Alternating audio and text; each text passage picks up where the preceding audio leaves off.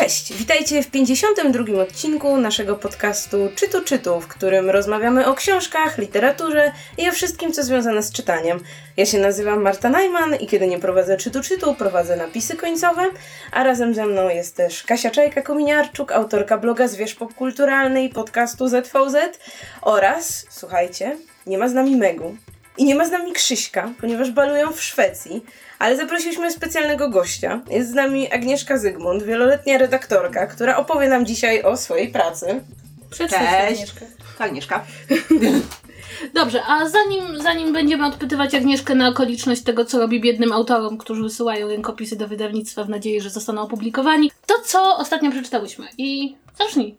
Dobrze, ja zacznę, bo ja w ogóle jestem totalnie zachwycona moją książką i to jest, to jest moja absolutnie ulubiona sytuacja, kiedy mogę przyjść i to tak zachwycać się po prostu w punkt y, tym, co ostatnio przeczytałam. Mianowicie wydawnictwo Publikat przysłało mi niespodziewanie komiks. Właściwie bardziej powieść graficzną, czy też jak jest to nazwane pamiętnik graficzny, autorstwa Rozczast pod tytułem Porozmawiajmy o czymś przyjemniejszym.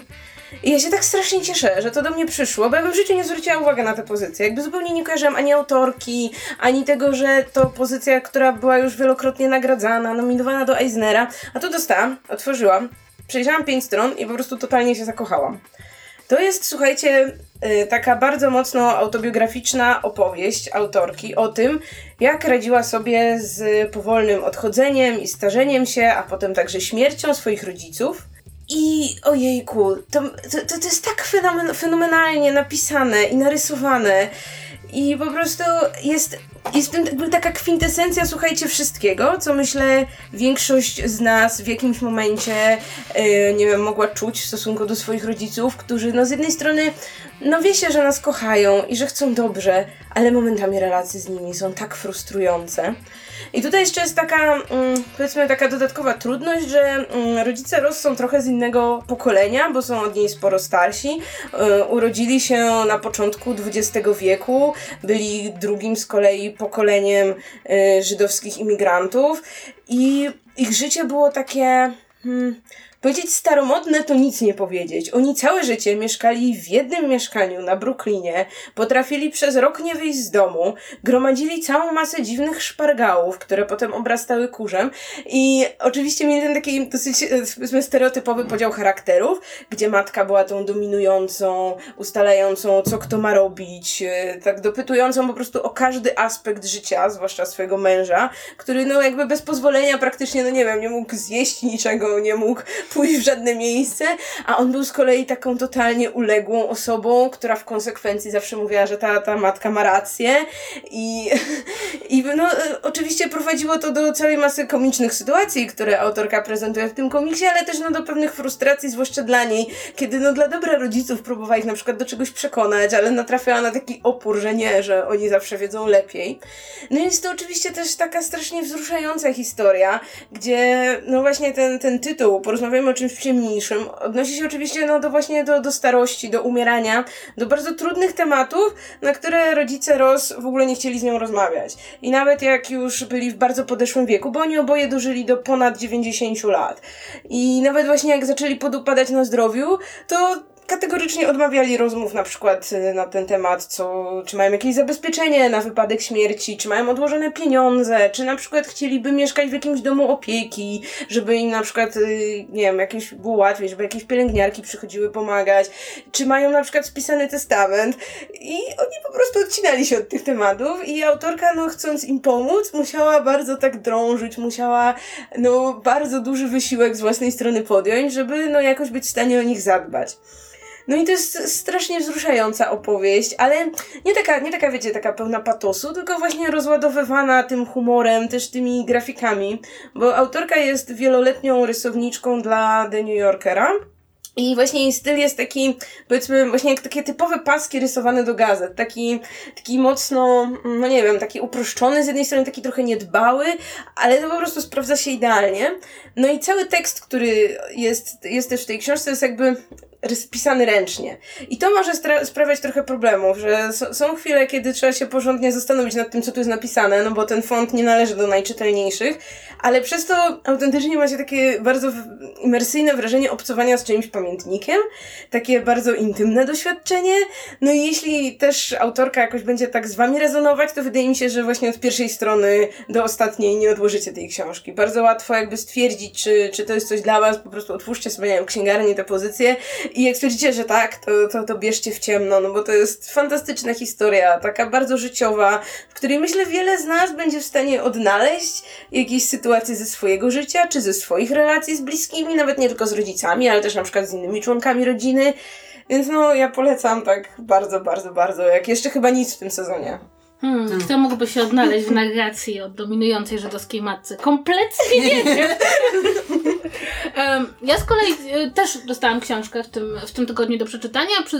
wysłało mi ją wydawnictwo Filia. Jest to najnowszy thriller e, Maxa Czorneya, go się tak odmienia. Tak. Inna. I w ogóle książka ma super punkt wyjścia. Otóż facet się budzi, totalnie nic nie pamięta, nie wie kim jest, nie wie, co się stało, nic nie wie. Jedyna rzecz, którą wie, to to, że ma w piwnicy przykutą do ściany nagą kobietę. I to jest taki punkt wyjścia, powiedziałabym, w którym jakby bardzo trudno odłożyć książkę po tym, jak, jak przeczytamy e, o takiej sytuacji. I e, książka ma jakby takie dwa, dwa nurty narracji. Jeden to jest ten facet, który ma przeczucie, że za 48 godzin albo się dowie, kim jest, albo mu się pamięć znowu wykasuje, że, że on wie, jakby podejrzewa, że działa w takim trybie i dosyć kompulsywnie zapisuje wszystko, co robi. E, I zapisuje po prostu całą swoją podróż i wędrówkę po mieszkaniu, właściwie domu, gdzieś nad, w nastrzeżonym osiedlu nad Bałtykiem, po którym chodzi i tak, próbuje przede wszystkim dojść do tego, kim jest, po drugie, próbuje dojść do tego, kim jest ta kobieta w jego piwnicy, jakby eksplorując różne możliwości i zastanawia się, czy to on jest jakimś mordercą, porywaczem, dewiantem, ale ma także taką myśl, że może to jest jakaś impreza, może to jest jakaś gra. I też jakby to jest dosyć ciekawe, bo on włócząc je po tym mieszkaniu zauważy takie dosyć dziwne rzeczy, jak na przykład to, że nie ma tam żadnego zdjęcia, z którego mógłby wywnioskować, kim jest. I w ogóle patrząc na różne rzeczy dochodzi do wniosku, że one mu się nie podobają.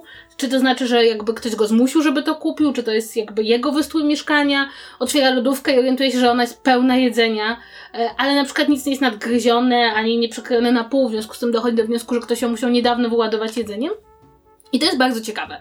To ja przyznam szczerze, yy, on odlicza godzinę po godzinie, co prawda co pewne godziny traci, bo na przykład zapada w sen. E, no ale ogólnie rzecz biorąc, to jest taki człowiek kompletnie zdezorientowany, który jakby, to byłoby ciekawe nawet jakby nie miał nagiej przykutej do, do ściany kobiety w e, piwnicy, ale ma i to, i to, że ona tam jest, dodaje do tego wszystkiego takiego wrażenia, napięcia, prawda? To znaczy on nie tylko musi odkryć kim jest, ale także kim jest ta kobieta, czy on ją może wypuścić i to jest ciekawe. A, bo ona żyje. Ona ja żyje, ona żyje. Ona kobieta, to jest okay. żywa kobieta. Nie, żyje. Ży, Moje pierwsze skojarzenie to, że to na pewno martwa kobieta, I już wiemy, kogo ociała miewa w piwnicy. Um, natomiast... Najczęściej Pawła Przykutego do ściany. Chcesz o tym porozmawiać? Dobrze, to, to, to zabrzmiało bardzo niepokojąco. Paweł, jeśli nas słyszysz, mogli trzy razy. E, natomiast jest też drugi wątek i drugi wątek to jest kobieta, która mieszka na tym samym osiedlu, koło pięćdziesiątki, której córka zaginęła. I to jest taka córka, z którą ona ma bardzo złe kontakty, bardzo mało o niej wie, to jest córka, jest koło trzydziestki, ale on jakby przez całe życie był trwały w takim wielkim konflikcie, mimo że ta córka mieszka razem z nią, to ta babka potrzebowała na przykład dwóch dni, żeby się w ogóle zorientować, że ta córka prawdopodobnie zniknęła. No i niestety, to jest ten drugi wątek, który nam ma jakby dać pewien kontekst tego, co ewentualnie dzieje się w życiu tego mężczyzny i w ogóle gdzie jesteśmy, kim może jest ta dziewczyna uwięziona w piwnicy. I to jest tak, że w tym wątku tej kobiety, która chodzi po tym osiedlu, spotyka się z policją, z dziennikarzami i działa, dzieje się najwięcej, ale on jest taki banalny. Mhm. Tam nie ma niczego, czego by nie było w innym takim, no, przeciętnym polskim kryminale.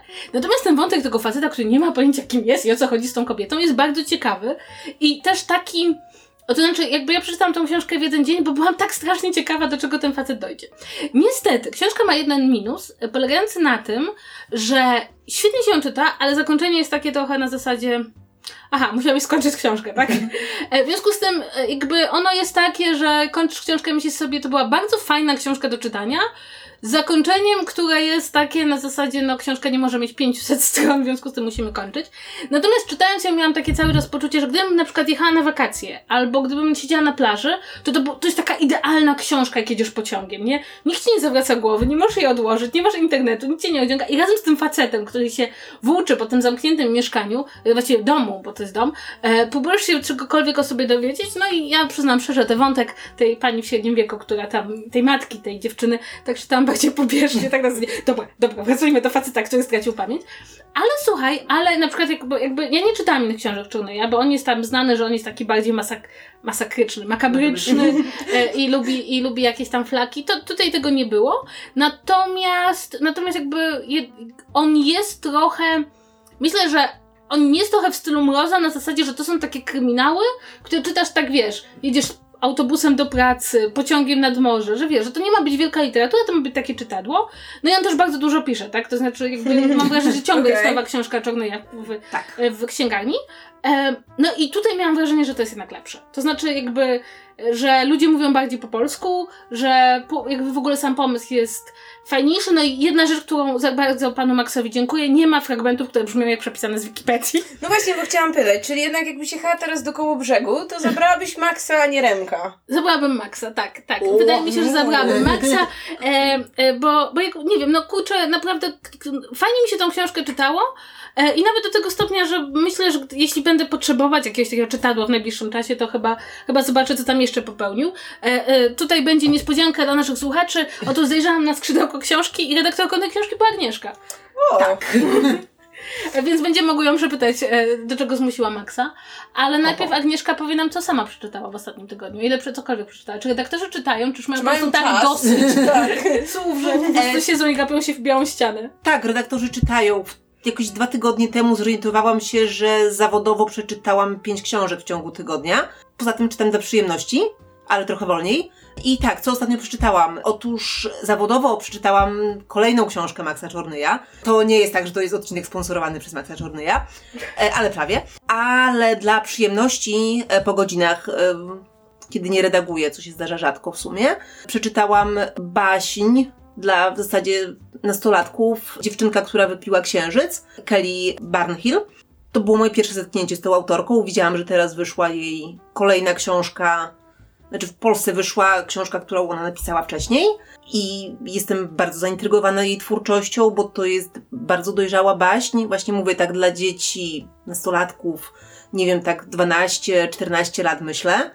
To jest książka, która tak naprawdę bierze znane tropy, to znaczy zamkniętą społeczność, którą urządzi Rada Magów, powiedzmy, i z której e, co roku najmłodsze urodzone właśnie dziecko musi być oddane złej wiedźmie.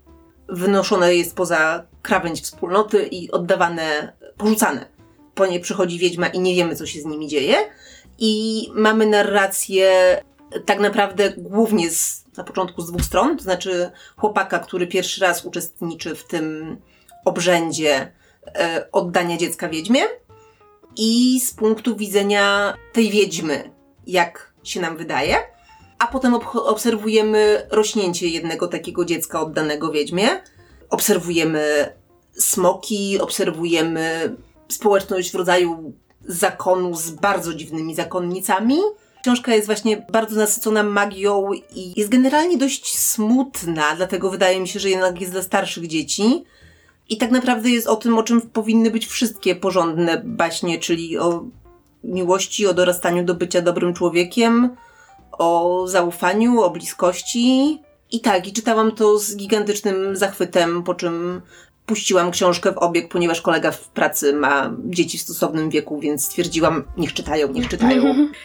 No, to wygląda na to, że wszystkie trzy jesteśmy usatysfakcjonowane w tym tygodniu. To się Tak, nie zdarza rzadki, rzadki tydzień. Dobrze, obiecujemy, że hejt będzie w przyszłym tygodniu. Dobrze, to, to chyba koniec fragmentu torebkowego. Tak, teraz będziemy po prostu przepytywać Agnieszkę, bo No, myślę, koniecznie. że jest bardzo dużo pytań, które mamy y, do właśnie osoby zajmującej się redakcją i znającej pracę wydawnictwa tak od środka, od kuchni. Ja bym tak zaczęła od tego jakby powiedzmy przejścia od książki, którą omawiałaś. Czy jak czytasz książki dla przyjemności, to zwracasz uwagę na to samo, co jak redagujesz książki? Nie. To znaczy, y, mam umiejętność wyłączania y, tego redaktorskiego zmysłu. Jedyne co widzę, to widzę literówki, jeśli są w książce. Tego nie umiem wyłączyć, pomijając e, bloga Kasi.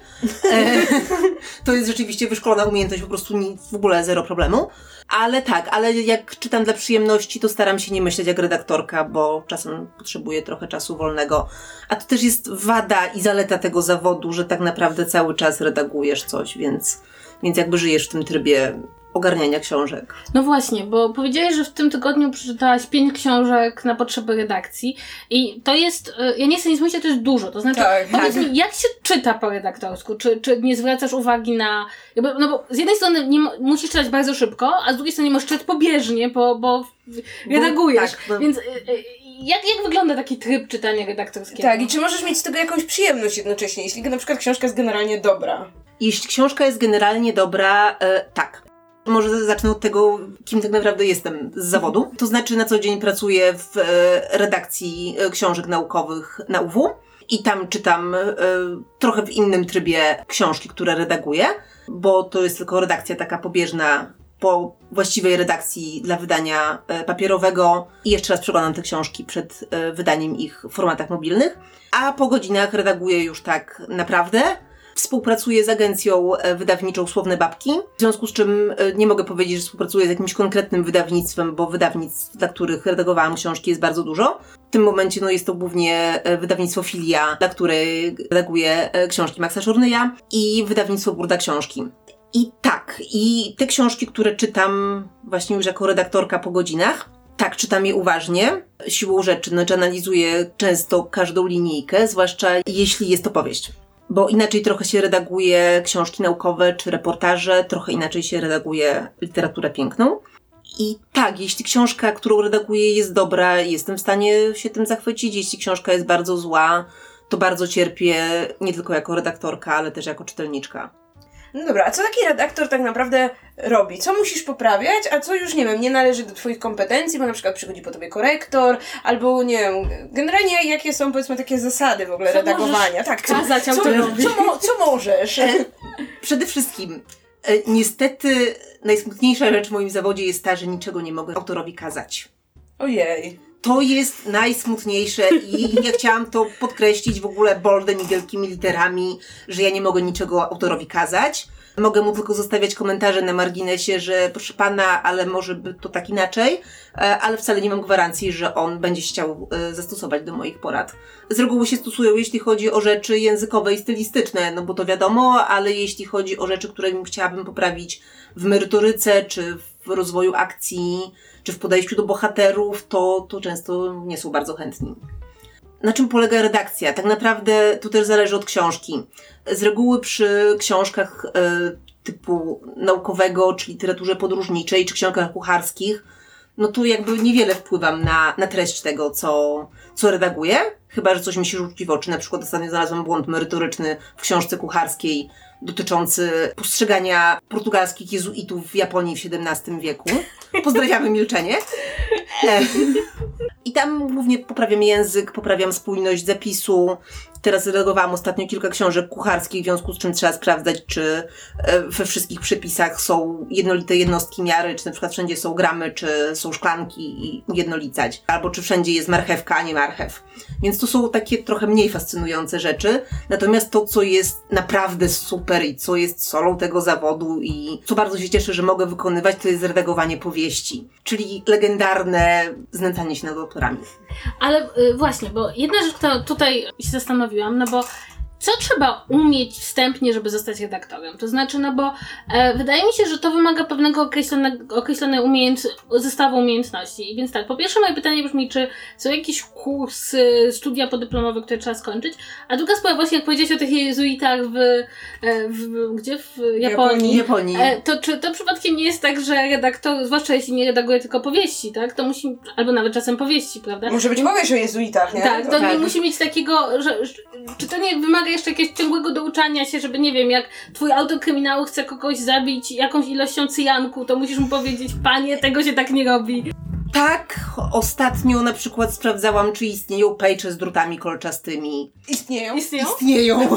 Chciałabym zobaczyć twoje wyniki pamięci wyszukiwania Tak. i kiedy zadzwoni do ciebie policja. E, tak, moje wyniki w wyszukiwarce myślę, że są fascynujące, zwłaszcza po tym, jak redaguję kolejny kryminał, bo, bo naprawdę tak, znaczy naprawdę ostatnio właśnie sprawdzałam, czy są pejcze z drutem kolczastym, czy dla osób skazanych w 52 roku na karę śmierci w Polsce proponowano ostatnią posługę duchownego. Generalnie tak, bardzo dużo dziwnych rzeczy.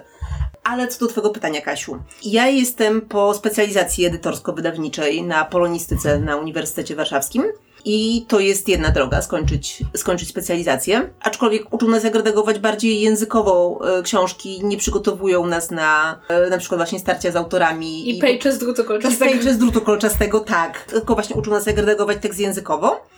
Są też studia podyplomowe, są kursy. Tu wtrącę, bo ja jestem po studiach podyplomowych, e, Też które tak, O! u, po, po, teoretycznie umożliwiają mi bycie redaktorem i korektorem, a nawet, e, że tak powiem, skład i łamanie tekstu, bo ja byłam e, na studiach, które nazywały się Edytorstwo Współczesne i O. to był taki właśnie taki the best of, powiedzmy, ze wszystkich tych zawodów związanych z, mm, nazwijmy to, produkcją książki, czyli właśnie były zajęcia z typografii, ze składu, że wiem mniej więcej, nie wiem, jakie powinno być liternictwo, wiem, nie wiem, co to jest światło, wiem, jak powinna być, nie wiem, jak okładka powinna wyglądać, jakie są jakieś niezbędne elementy.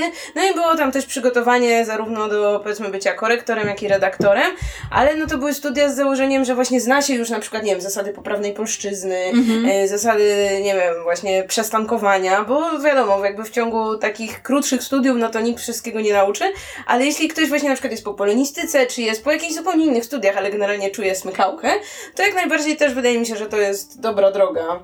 I później próbować. Tak, bo tak naprawdę nie ma jakiegoś ograniczenia, że koniecznie trzeba być po polonistyce, żeby być, e, być redaktorem. Tak naprawdę to jest też kwestia trochę właśnie próbowania, trochę szczęścia, trochę trafienia na właściwe osoby, które cię poprowadzą dalej w tym zawodzie. Na przykład teraz właśnie mi się zdarzyło, że przypadkiem trafiłam zawodowo na redaktora, który mnie wprowadzał w ogóle w zawód, zawód 12 lat temu i to jest strasznie miłe, bo, bo jakby teraz już współpracujemy na zupełnie innych zasadach. Ja już jestem jednak zdecydowanie bardziej doświadczoną redaktorką, więc, e, więc tak, więc e, nie ma tak, że, że trzeba koniecznie skończyć. Tak naprawdę niekoniecznie trzeba skończyć kursy, żeby dostać pracę jako redaktor, tylko trzeba się sprawdzić w tym. Co z tego, co wiem, nie jest bardzo łatwe jeśli rzeczywiście mm, któreś wydawnictwo, czy któraś taka agencja redaktorska, jak ta, dla której ja pracuję, jeśli komuś na tym zależy, żeby redakcja miała dobry poziom. A powiedz mi, bo to chyba najbardziej będzie interesować naszych słuchaczy, a także mnie, twoje najgorsze przejścia z autorami. Kie- Kiedy, kiedy miałaś jakieś takie spory, że to po prostu miałaś ochotę powiedzieć autorowi do widzenia panu. Tak. Albo pani. Wy, zatkaj się, typie tą książką, ja już nie chcę mieć z tym nic Nic wspólnego. Albo, albo czy były jakieś takie e, językowe bitwy, które miałaś takie poczucie, że walczysz o coś więcej niż tylko dobrą redakcję, ale o lepszy świat dla nas wszystkich? Nie, nie pytam, bo jakby e, wydaje mi się, że e, ja, ja na to patrzę z punktu widzenia autora, tak? No i, i mi się zdarzało myśleć o moim redakt redaktorze albo redaktorce w najgorszych możliwych kategoriach. E, tak. Więc, więc myślę, że ty też Że to jakimś autorze. obustronne uczucie. Tak. To jest jedna z tych zasad, tak, to znaczy jakby redaktor ma jeszcze e, tu, tu, tu trudne położenie, że z jednej strony z automatu nienawidzą się z autorem, a z drugiej strony z automatu nienawidzą się ze składaczem. E, więc tak, więc, więc to myślę, że są takie ogólne zasady zawodu Ale redaktorskiego tylko po prostu. składacz nienawidzi redaktora. Ponieważ redaktor potrafi na przykład przynieść mu już do złożonej książki, panie, popraw jeszcze to, i to, i to, i to, i to, i to, i to.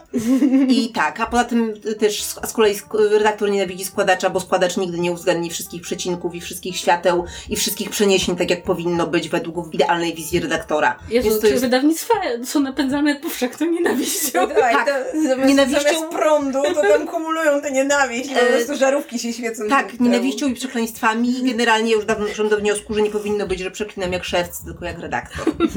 Dobrze, a teraz opowiedz nam Tak, o swoich sporach. O traumach. O traumach. Może być bez nazwisk, żebyś nie znalazła jeszcze kiedykolwiek pracę w zawodzie. E, tak. Czy miałam jakieś trudne przeżycia? E, tak, miałam. Zresztą myślę, że było one obustronnie trudne. Zresztą trafiły, znaczy nic z tego, co teraz mówię, nie jest jakąś straszną tajemnicą, ponieważ trafiło do mediów. No cóż, tutaj wchodzimy w ten delikatny grunt, czy redaktor powinien mieć poglądy. Trochę nie powinien, a trochę jednak ma poglądy z reguły i na przykład sugeruje autorowi, że feminatywy są ok i jeśli mamy panią rzecznik prasowy, to można napisać jednak, że to była rzeczniczka prasowa i to będzie ok. Czy kwestie seksizmu. Trochę jest tak, że na przykład nie bardzo lubię, jeśli moje nazwisko jest przy książce, która jest właśnie na przykład pełna e, seksistowskich stereotypów.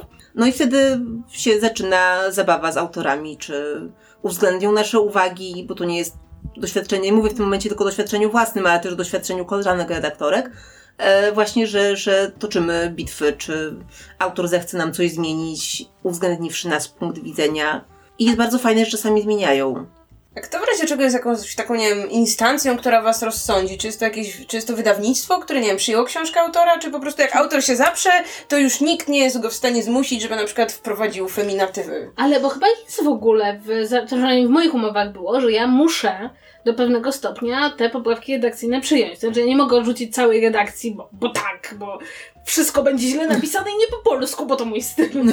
Nie, nie, nie, tak jak już mówiłam, jednak generalnie autorzy to, co poprawiam im językowo, to uwzględniają jak najbardziej, no bo, bo jednak też chyba zakładają, że po prostu skoro to jest mój zawód, to ja być może wiem lepiej od nich, ale w przypadku poprawek już właśnie takich merytorycznych, no to, to nie muszą i trochę jest tak, że jeśli autor się uprze, to no to poza tym to autor napędza sprzedaż wydawnictwu, w związku z czym też on decyduje. Albo wydawnictwo. A powiedz, czy kiedykolwiek zdarzyło Ci się, że dostałaś książkę do redakcji, zaczęłaś ją redagować, po czym zdałaś sobie sprawę, że albo ta książka, albo Ty odesłałaś książkę, mówiąc, że no sorry, sorry, ale tego się nie da po prostu zamienić na coś, co jesteś w stanie podpisać własnym nazwiskiem? E, nie, natomiast zdarzyło mi się, że poprosiłam, że nie chcę być pod własnym nazwiskiem. O! I wtedy jesteś pod pseudonimem? jakimś? Tak, pod A pseudonimem. jakie to były za książki? To był bardzo, bardzo zły thriller fantazy. O mój Boże, aż chcę go przeczytać. Tak. tak, to, to było generalnie ból, ból i cierpienie i naniosłam wtedy 3000 komentarzy do książki, coś takiego. Słuchajcie, jeśli ja będę kiedyś recenzowała jakiś thriller fantazy, który będzie bardzo słaby. To spytaj, czy to nie Agnieszka. Tak. To może dla odmiany, czy masz jakoś, nie wiem, autora na przykład, z którym rewelacyjnie cię współpracowało, że w ogóle wiesz, wzięłabyś każdą jego kolejną książkę w ciemno. Aż tak mi się chyba nie zdarzyło, żeby mieć jakiegoś autora, ale tak, ale są książki, którymi jestem strasznie zachwycona i strasznie się cieszyłam, że, że mogłam brać udział w ich powstawaniu. E, Teraz co mi pierwsze przychodzi do głowy, to na przykład e, stosunkowo niedawno wydane archiwum Stiga Larsona. Historia o tym, kto zabił Olofa Palmego i do pewnego momentu jest to odtworzone śledztwo, które prowadził Stig Larsson, e, autor Millennium, bezpośrednio po, po zabójstwie e, Olofa Palmego, a częściowo teraz, jakby na bieżąco, inny szwedzki dziennikarz sięgnął do tego archiwum i prowadził własne śledztwo. Jest to tak wciągające i tak świetnie napisane, że naprawdę byłam szczęśliwa, że to czytam i że jakby moje nazwisko będzie w stopce redakcyjnej. No właśnie, bo jaki ty masz stosunek do książek, które redagowałaś? To znaczy, czy... No bo jest taka, takie powiedzenie, że prawda, że książki stają się lepsze dzięki swoim redaktorom, że jednak ten wkład redaktorów jest na tyle istotny, że właściwie to, co obserwujemy na przykład na rynku wydawniczym teraz, to takie obniżanie się językowego poziomu, a także w ogóle poziomu książek wynika też trochę z braku dobrych autorów. Czy jak widzisz książkę ze swoim nazwiskiem w księgarni, to masz takie, czy to są twoje książki, czy to jest po prostu, wiesz, że to jest autor i że on będzie miał to spotkanie autorskie, a ty tylko tam, nie wiem, no, poprawiałaś mu trochę składnie i tłumaczyłaś mu, że nie może kogoś obkładać pejczem z drutu kolczastego. Może niestety. To znaczy, to jest w ogóle może trochę śmieszne, bo pracuję w tym zawodzie 12 lat i powinnam mieć dystans. Otóż nie mam dystansu. To znaczy, za każdym razem strasznie się cieszę, jak widzę swoje książki na półce y, w księgarni. Bardzo się cieszę, jak widzę moje książki, że ktoś je czyta. To jest naprawdę niesamowite uczucie. Zdarzyło mi się podejść e, w pociągu do człowieka z moją książką i mówię, o, to ja to redagowałam. Miłej lektury.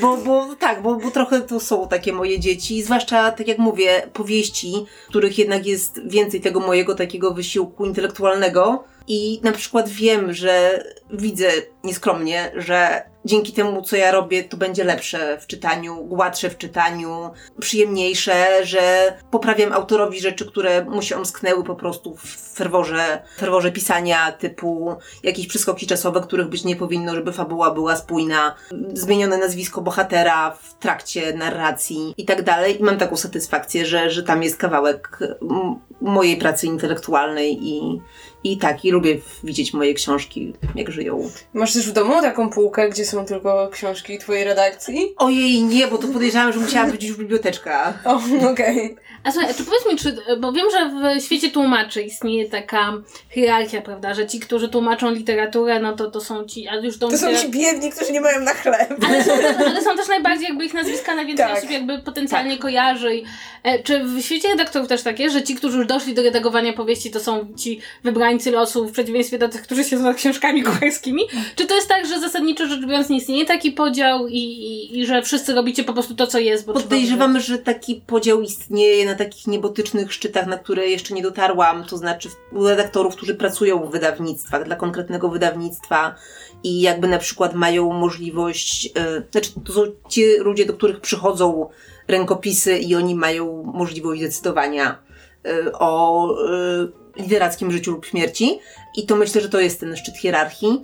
Natomiast dla mnie Natomiast pozostałe osoby, y, to myślę, że po prostu pracujemy. Znaczy, Bierzecie co jest. bierzemy co jest i poza tym też lubię mieć płodozmian, to znaczy e, na przykład po, po kryminale potrafię powiedzieć, poprosić moją agentkę redaktorską, czy mogłabyś mi dać coś miłego? Na przykład ostatnio miłe były e, reportaże z Korei Północnej. Więc tak, znaczy dobra. Specyficzna definicja Tak. miłego. A mnie jeszcze nurtuje jedna rzecz, bo pamiętam, że jak rozmawialiśmy o złych praktykach wydawniczych, to na przykład mówiliśmy o sytuacjach, kiedy wydawnictwa, żeby tnąc koszty, zbijają w jedno rolę redaktora i korektora. Czy zdarzyło ci się tak, że ktoś oczekuje od ciebie, że za jedną pensję wykonasz tak naprawdę pracę dwóch osób i co wtedy? Czy, czy nie wiem, bierzesz, odmawiasz? Jak w ogóle teraz wyglądają standardy w tym zakresie? To znaczy, y, nie odmawiam, staram się zrobić maksymalnie dużo, ale jednak jeśli ktoś oczekuje ode mnie redakcji y, w ramach korekty i zastawkę korekty, to, to jednak jakby nie idę na to, w sensie, że, że mogę zrobić y, korektę plus ewentualnie poprawić te rzeczy, które są tak ewidentne, że, że jakby serce by mnie bolało, gdybym je zostawiła tak jak, tak jak są. Ale tak, często zdarza mi się widzieć z bardzo różnych wydawnictw książki, które na przykład ja dostaję je do korekty i one podobno były po redakcji, tylko że widać, że nie były tak bardzo. Znaczy po prostu widać, że, że, że, że ktoś po prostu sobie radośnie ominął jeden etap pracy nad książką. A w ogóle powiedz, bo to też mnie zastanawia, bo wszyscy o tym też lubią słuchać. Jakie twoim zdaniem są największe patologie teraz na rynku wydawniczym właśnie też związane z redakcją, czy w ogóle jako, jako osoba, która siedzi w środku, prawda, jest gdzieś w tym takim kręgu ludzi zajmujących się tworzeniem książek. Co ci się wydaje jest największym problemem teraz rynku wydawniczych?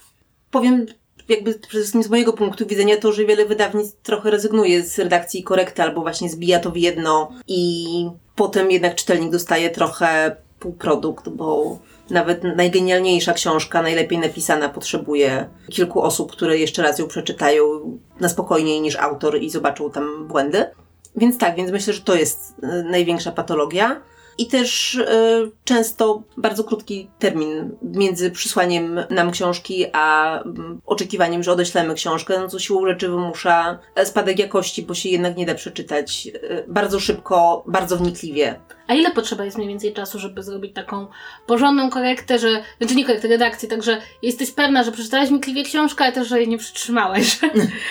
Ile to jest mniej więcej, tak, tak u Ciebie powiedzmy? Powiem tak, jeśli mam na powieść takiej standardowej powieściowej długości 300 stron już wydanej książki, to tak 2-3 tygodnie to jest taki miły czas, kiedy nie muszę umierać e, za tą książkę, a, a mogę sobie spokojnie przeczytać to, pomyśleć. Z tym, że to też jest istotne, że ja pracuję po godzinach nad tymi książkami, więc pewnie gdybym pracowała z tym, z tym na etat, to byłoby trochę inaczej. A ile jest najmniej, ile Ci dano?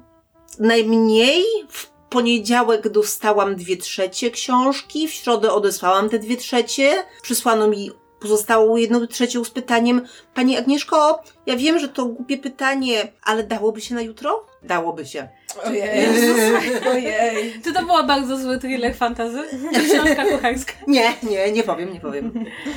No, ale to słuchaj, a powiedz, y, powiedz mi, czy tak jak patrzysz na, y, na ten rynek książki, na to czytelnictwo, czy na przykład jak widzisz wyniki czytelnictwa, to myślisz sobie, o mój Boże, moja praca umiera, ludzie już nie czytają książek.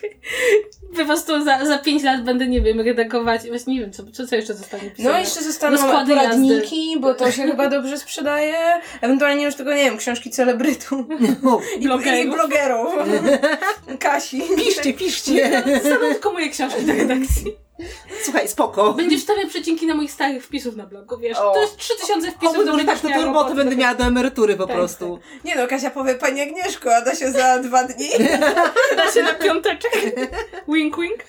Tak, po starej znajomości, co? Tak. Tak.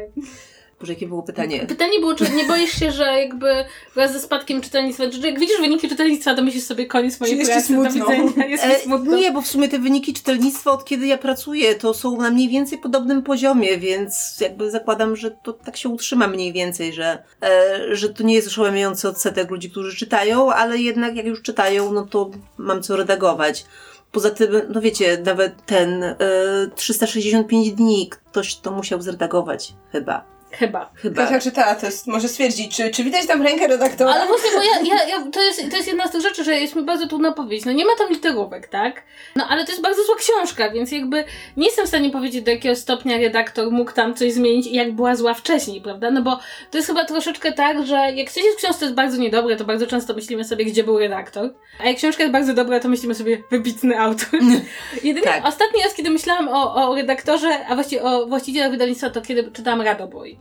Kiedy czytałam Radoboj, to miałam takie poczucie, że zabrakło tam jakiejś osoby w tym wydawnictwie, która by powiedziała, jest pani bardzo miłą osobą, bardzo panią lubimy, nie umie pani pisać książek. Tak, jakby bardziej już na tym etapie doboru, prawda? Tak. że nie Tak. wydajemy tego, bo wydaje mi się, że, że tutaj jednak powinna być w miarę ta selekcja jednak ostrzejsza, no bo chyba nawet najlepszy redaktor nie jest w stanie uratować no fatalnej książki, no bo nie napisze jej od nowa za autora. Właśnie, jak to Podobno są legendy, że są tacy redaktorzy, tacy wiecie, prawdziwi w ogóle bohaterowie, którzy potrafią zrobić z, z słabej książki, nie wiem czy z 365 dni, ale ze słabej książki są w stanie zrobić naprawdę całkiem porządną rzecz. Natomiast też są dwie szkoły redaktorskie jedna, której ja jestem zwolenniczką, jest taka, że e, oczywiście ja mogę zwrócić autorowi uwagę na pewne rzeczy, niemniej jednak to jest jego kreacja świata i ja nie mogę wnikać w nią za bardzo, bo to on sobie to wymyślił. Ja oczywiście mogę mu powiedzieć, że proszę pana, proszę pani, może lepiej spróbujmy trochę inaczej, ale jeśli on tak chce, no to, to on jest autorem tej książki. Ja jednak mam funkcję służebną. Są też osoby, e, które mają inne podejście, to znaczy, że należy pracować z autorem tak długo, aż on prawi swoją książkę na tyle, żeby była rzeczywiście fajnym produktem. Nie umiem powiedzieć, która jest lepszą szkołą, bo to jakby zależy od stylu, stylu redaktora, który A ja mam Ciebie pytanie, tylko że najgorsza redakcja, z jaką się w życiu spotkałam, mojej książki, Em, książka nie wyszła, w związku z tym mogę o niej mówić, bo jakby nikt nie za... Nie, nie, nie. Była, ponieważ redaktorka, która jakby redagowała tę książkę, była autorką sama. I ona właściwie zamiast mi zredagować moją książkę, to bardzo, w bardzo wielu miejscach napisała własną na marginesie. I do tego stopnia, że jakby ja miałam poczucie, że ona czasem to, co napisze, wynika z tego, że jej się wydaje, że się zna, a ja się znam na tym. Akurat na tej sprawie znam się trochę lepiej. Nie była to powieść, to były jakby takie teksty własne. I co w ogóle myślisz o sytuacji, w której ludzie, którzy sami są autorami, w danym wydawnictwie zostają przez to wydawnictwo zatrudnieni jako redaktorzy? Bo wydaje mi się, że te dwie role paradoksalnie, mimo że są bardzo blisko siebie, się nie powinny łączyć. To znaczy, ja mam takie wrażenie, że autor zawsze będzie chciał napisać własną książkę, a redaktor jednak, no to co ty mówisz, rozumie, że współpracuje z kimś drugim. A mam wrażenie, że w małych wydawnictwach jakby coraz częściej, Coraz częściej jakby widzimy pojawia. te same nazwiska, prawda? Właśnie w obu tych rolach. No tak, a to jednak jest problem, zwłaszcza jeśli rzeczywiście, tak jak e, w tym przypadku, o którym mówisz, e, redaktor nie umiał zapomnieć o tym, że jest, e, że w tym momencie nie jest autorem, tylko jest redaktorem i, i jednak właśnie pełni funkcję służebną, mimo, mimo tego, że istotną, to jednak służebną i tu głos autora jest głosem decydującym. W ogóle ciekawi mnie też, czy wydawnictwo jakoś bardzo wtrąca się w ten proces redakcji, który tam przebiega między właśnie autorem a, redaktorem i czy jest na przykład tak, że jeśli przypuśćmy redaktor za mało by poprawił, zbyt, zbyt mało miałby uwag, to czy na przykład wydawnictwo mogłoby, y, nie wiem, jakoś tak krzywo na to patrzeć? Czy zdarzają się sytuacje, że ten redaktor no tam musi zmieniać z dobrze na drugie dobrze, tylko po to, żeby było, że wykonał pracę, jeśli książka nawet tych zmian nie wymaga? Raz mi się zdarzyło, że tak, że, że było, że jest za mało poprawione i, i wydawnictwo było niezadowolone, ale to rzeczywiście raz. A powiedz mi, czy jak tyle książek czytasz, poprawiasz tych autorów, widzisz, jakie błędy robią, jakie głupoty piszą, to nie, nie budzi się w tobie czasem taka wizja, że przecież ty byś umiała lepiej. No, Kaman, już ich tyle poprawiłaś, że, że umiałabyś usiąść sama i napisać coś lepszego w ogóle bez zastanowienia? Ojejku, zawsze. Znaczy, tak. Zresztą teraz e, mam jeszcze tę e, cudowną sytuację, że w e, mieszkaniu, które, e, w którym wynajmuję pokój, e, w drugim pokoju mieszka moja e, koleżanka, która też jest redaktorką. W związku z czym potrafimy zapukać do siebie o północy i powiedzieć, Boże, my się tak marnujemy, my byśmy to napisały lepiej. E, z tym, że jakby tu są takie, tu jest takie gadanie i że, że, że mogłybyśmy lepiej, wiadomo. Natomiast ja w przeciwieństwie do bardzo wielu osób, y, które szły na polonistykę, nigdy nie miałam ambicji pisarskich. Nigdy nie chciałam być pisarką. Natomiast od kiedy poznałam specjalizację redaktorską, to wiedziałam, że chcę być redaktorką i wiem, że o ile mam dobre wyczucie językowe y, i na przykład z tego co widzę, to całkiem dobrze piszę krótkie formy, felietony powiedzmy, o tyle nie potrafię sklejać fabuł. Więc No jeden właśnie. problem z głowy. No właśnie, to jest jedna rzecz, którą tutaj chciałabym, bo już będziemy się powoli zbliżać do końca, ale jedna rzecz. Skąd się bierze w człowieku potrzeba bycia redaktorem? Bo skąd się bierze potrzeba bycia autorem, to wszyscy wiemy, prawda? Tak, Na mam takie po super pomysły i Złe. tu Tak, jestem muszę zostawić pomnik po sobie, Tak. tak? Bo Pisarze, poeci to jest logiczne, tak? Tak. E, Ale skąd się bierze potrzeba bycia redaktorem? Bo jakby e, ja też mam taką służebną pracę w redakcji, ale ja nigdy nie śniłam, żeby być researcherem, tak? Po prostu tam było miejsce. E, natomiast e, jak, się, jak się dochodzi do tego, że bycie redaktorem to jest ta, ta, ta rzecz, którą chce się robić w życiu? Dochodzi się tak, że odkrywasz na drugim czy trzecim roku studiów, że to jest ta możliwość, że dostajesz teksty, które są różnie napisane, niekoniecznie po polsku, niekoniecznie e, z dobrymi, dobrze wyważonymi proporcjami, z dobrą puentą i możesz z tego zrobić kawałek dobrego artykułu, czy dobrej literatury, czy przyjemnej literatury i to jest dla mnie gigantyczna satysfakcja. Wow, to pamiętam, że ja, ja dużo zajmowałam się korektą, jakby tak do redakcji, jakby nigdy nie doszłam już do, do Mhm. etapu redagowania jakiegoś dłuższego tekstu, ale uwielbiałam zajmować się korektą swego czasu i to zawsze było dlatego, że po prostu uwielbiałam wytykać ludziom błędy, a tutaj ktoś mi płacił za to, żebym to robiła i nie miał po prostu pretensji, więc miałam nadzieję, że może redaktor ma trochę podobnie, a tutaj kurczę tak idealistycznie, tak ładnie, że aż, aż mi wstyd troszeczkę. Tak, jestem strasznym że ja zawsze z takich właśnie, wiesz, płytkich pobudek, ja sobie- wytkniemy błąd. Ja sobie właśnie uświadomiłam, że stanowiłam w tym momencie genialne trio. To znaczy, ja napiszę tekst bez przecinków, po czym ty mi je wstawisz, radośnie wytykając mi błędy, a Agnieszka idealistycznie dokonuje tekst. I Tak. I, i, i, Tak, i to po wydamy. prostu jesteśmy Dream Team. Tak, tak. Słuchaj Agnieszka, bardzo Ci dziękujemy, że do nas wpadłaś i opowiedziałaś nas o cierpieniach bycia e, redaktorem I o książce. i o książce i miejmy nadzieję, że część osób właśnie obudziła w sobie tą potrzebę zmieniania tekstów innych ludzi na lepsze, bo e, my pisarze tego bardzo potrzebujemy. bardzo. Teraz ja mam jeszcze jedno pytanie do naszych czytelników, zanim skończymy. e, Albo słuchaczy. Słuchajcie, zanim skończymy i to będzie taka też e, sprawdzenie, czy oni tego słuchają. Bo słuchajcie, wyszła druga część 365 dni. Tak. Ludzie napisali pod tym odcinkiem, w którym Tak. recenzowałaś. I czy ja to mam przeczytać? O, Powiedz tak. nam, bo ja się mogę, e, ja się mogę poświęcić, ale muszę mieć wystarczająco dużo głosów osób, które chciałyby, żebym się poświęciła. E, To się poświęcę, bo to teraz właśnie trafiło do księgarni, bo chyba to było jedno z, jedno z, je, z jego punktu widzenia. Nie, nie, właśnie ponoć żadne nie było z jego punktu widzenia. Była normalna druga część, a, A teraz, teraz jest trzecia część. Aha, Po to czy ja prostu- mam to czytać dalej? O, to jest, to, Tak. to, to będzie takie pytanie, bo widziałam trzecią część. Więcej Blanki Lipińskiej w Czytaj. podcaście Tak. Czytu Czytu. Tak, czy mam czytać dalej, czy mam nie czytać dalej? E, dajcie nam znać, a teraz jeszcze Marta powie, co możecie dla nas zrobić. Tak, więc przypominamy, że mamy swój kanał teraz na YouTubie. Możecie go znaleźć wyszukując Czytu Czytu Podcast i zachęcamy Was gorąco, żebyście tam przenieśli swojego suba. Że możecie dalej słuchać podsłuchane, bo tam są jeszcze jakieś podcasty, ale nasz podcast już tylko do końca obecnego czwartego sezonu ukazuje się tam, a później będzie już wyłącznie u nas, więc, yy, więc żebyście nie przegapili naszych odcinków. Poza tym jesteśmy oczywiście na Spotify, w iTunes i we wszystkich innych aplikacjach podcastowych. Możecie nas subskrybować, możecie pisać recenzje, możecie wystawiać nam oceny i wpadajcie koniecznie na nasz fanpage na Facebooku, facebook.com kośnik czytu czytu, no bo tam pojawiają się różne newsy, pojawiają się oczywiście informacje o naszych odcinkach, a czasem też e, wrzucimy coś maślanego w ramach przerywnika. E, I no, w tym tygodniu to, to, to tyle. Przypominam, że mamy też skrzynkę mailową. E, Obecny adres to kontakt małpa czytu i tam zawsze przyjmujemy wyrazy waszego wsparcia, pomysły na jakieś tematy czy wszelkie pytania. Jeśli się niepokoicie, że na pytania nie odpowiadamy, to ostatni odcinek w tym sezonie poświęcimy na pewno, żeby na wasze pytania odpowiedzieć, prawdopodobnie na żywo. Tak więc jeśli jakieś pytania jeszcze się w was kiszą, no to macie jeszcze kilka tygodni, żeby je sformułować i do nas przysłać.